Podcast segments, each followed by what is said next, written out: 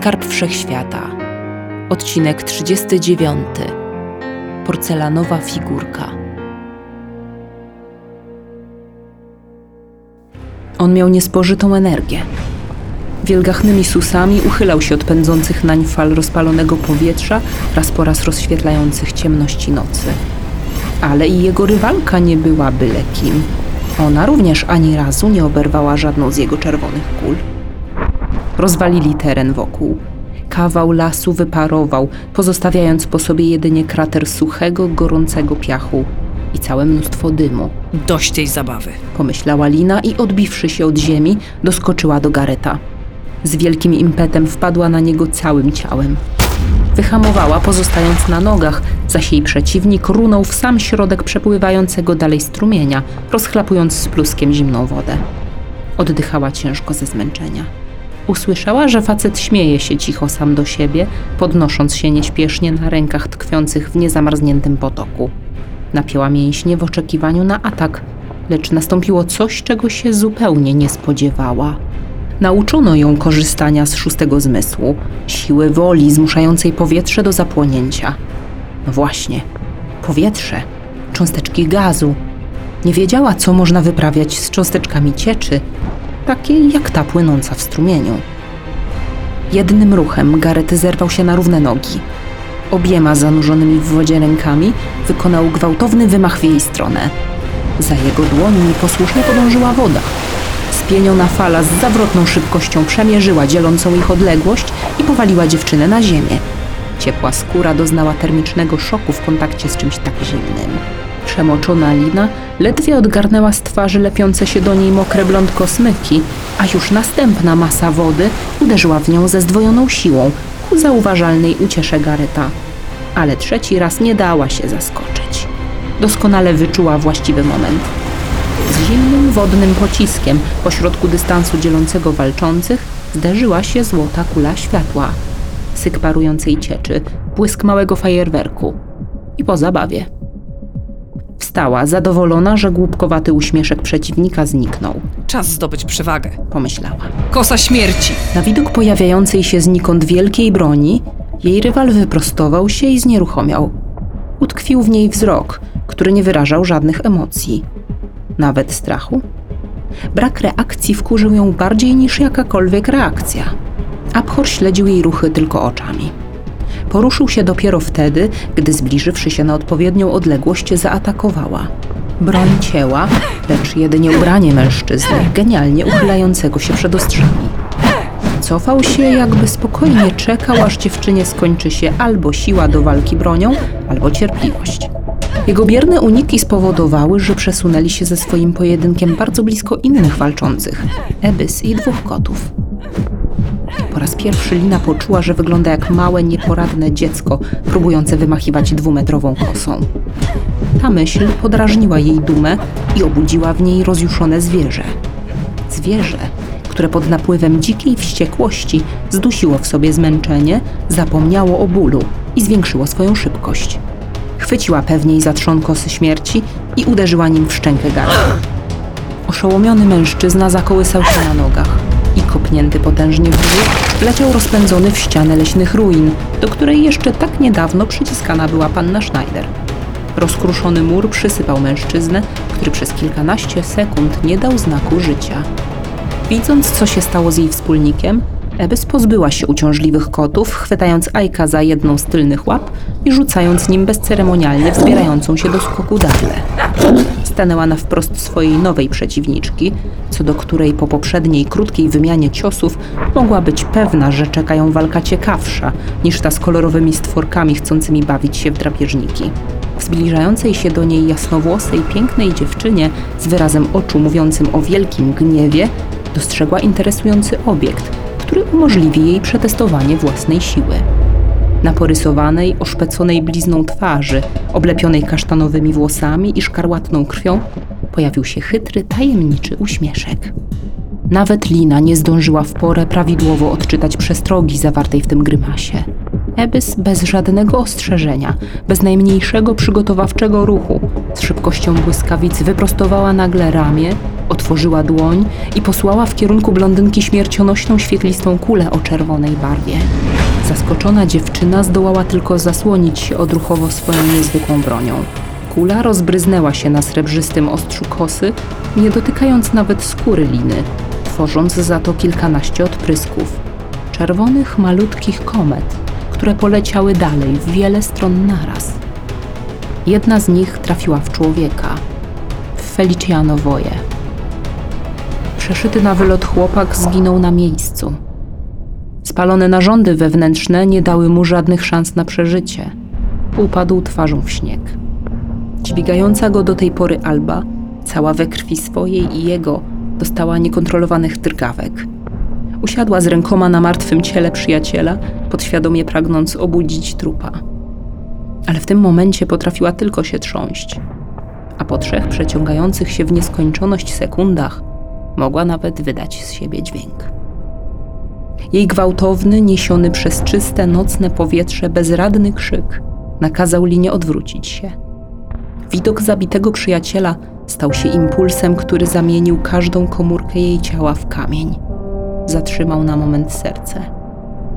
Zawsze pogodny i uśmiechnięty Feli, dobry kolega, który już nigdy pogodnie się nie uśmiechnie.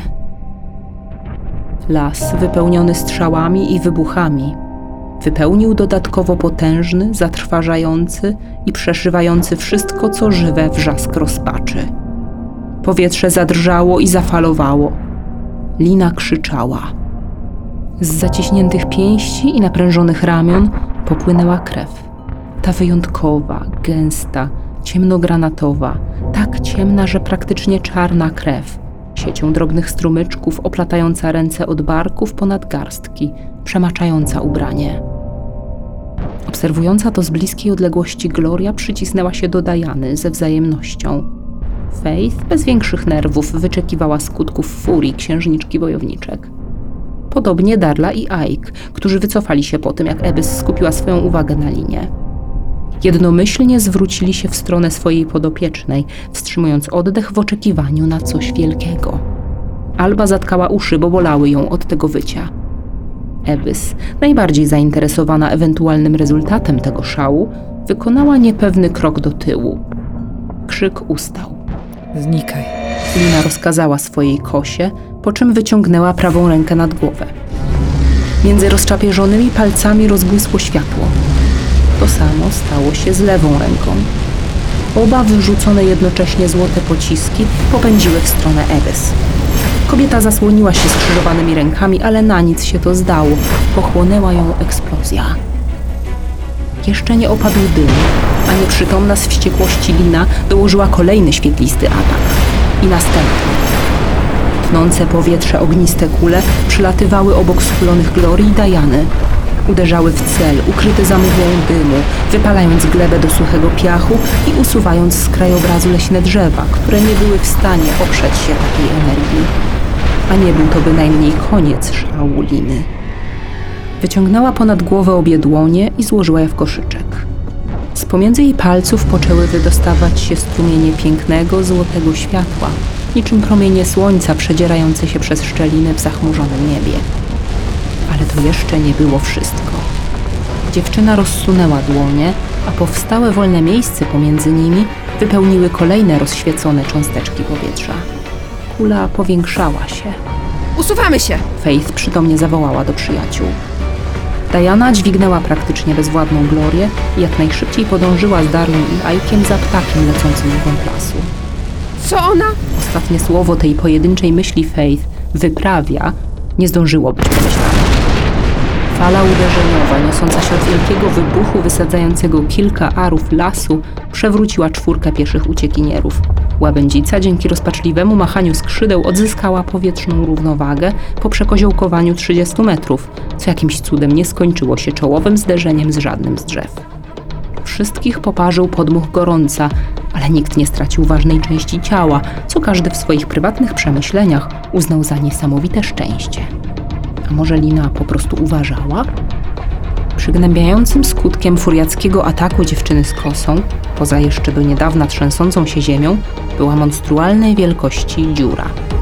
Pusty krater, o średnicy przekraczającej 25 metrów. Takie coś zwraca uwagę. Po chwili z gęstego mroku wyłoniły się dwa pancerne transportowce dystryktu 77. Wysunęły po dwa działa szerokiego kalibru i wymierzyły w cel. W obiekt do likwidacji numer jeden, stojący na widoku, zmęczony walką, zasapany, z rękami na kolanach dla złapania oddechu. Lina miała dość. Mamo, dlaczego ty mnie nigdy nie słuchasz? Być może takie pytanie przeszłoby jej przez myśl, gdyby miała jeszcze siłę cokolwiek pomyśleć. Dlaczego jej matka znowu była tutaj, w centrum wydarzeń, zamiast ratować się i próbować schronić w podziemiach? Dostrzegła ją dopiero, kiedy szał przestał przyćmiewać jej wzrok. Wiem. Tak, ona zawsze wiedziała. Rozumiała, że jej córka musi dokonywać wyborów trudniejszych niż inne nastolatki. Tyle, że ona nic nie musiała. Nie musiała lecieć na pomoc ludziom, których ledwie znała. Powinna była zostać przy swojej mamie. Teraz miały zginąć tu obie. Zwierzaki i Gloria również, tak jak Feliciano. Działa wystrzeliły cztery pociski naraz. W jednej sekundzie Diana w opiekuńczym geście przypłaszczyła Glorię do ziemi i zasłoniła jej głowę.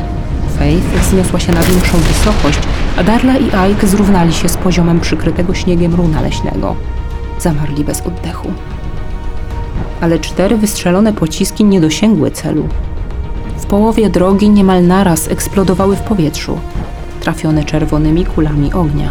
Jest moja! Obok ruin stał Gareth, czyli Abhor, albo odwrotnie. Wysoki, chudy dryblas w strzemkach ubrania, z rozciętym lewym łukiem brwiowym, krwawiącym nosem, poharataną doszczętnie skórą, który miał to wszystko za nic. Kolejnymi czerwonymi kulami posłanymi z otwartych dłoni zniszczył oba wrogie pociski. Wybuchające paliwo obróciło w perzynę tony żelastwa, zmieniając je w dwa wielgachne ogniska. Następna, koncentrująca się w dłoni Abhora kula, szykowana była już dla Liny. Odbij ją! Ty tak możesz! Wołanie Faith rozległo się w momencie wyrzutu. Wydawało się być już za późno, ale księżniczka posłuchała. Przy maksymalnym skupieniu uratowała się odważnym ruchem ręki. Kula o zmienionym torze lotu roztrzaskała nadlatujący samolot D-77. Maszyna rozsypała się na milion płonących kawałeczków, które spadły w las jak deszcz meteorytów. Ich światło wydobyło z ciemności dwójkę ścierających się wojowników. Lina była zmęczona. Silniejszy od niej Gareth przerwał wymianę ciosów, uderzając łokciem w twarz dziewczyny i kopniakiem z półobrotu posłał ją w głąb powstałego niedawno krateru. Musiała hamować, wczepiona palcami w ziemię. Ze złamanego nosa popłynęła niebieska krew o słodkim smaku i wdarła jej się do ust. Kosa śmierci. Lina ponownie wezwała swoją nieziemską broń.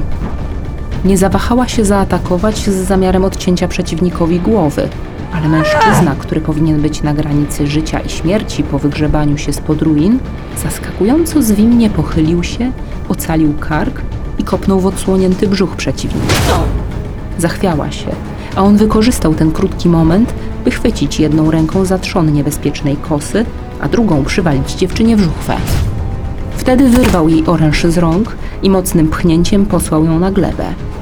Do gardła liny zabójczo blisko przysunęło się ostrze jej własnej kosy śmierci. Nie polegaj tylko na broni. Wycedził przez zęby Abhor. W nikłym świetle wschodzącego słońca Diana dostrzegła tę makabryczną scenę. Koty zerwały się, by ruszyć z odsieczą. Lecz ta przyszła z innej, niespodziewanej strony. Gareta całym swym zmaterializowanym ciałem znienacka uderzyła Marin.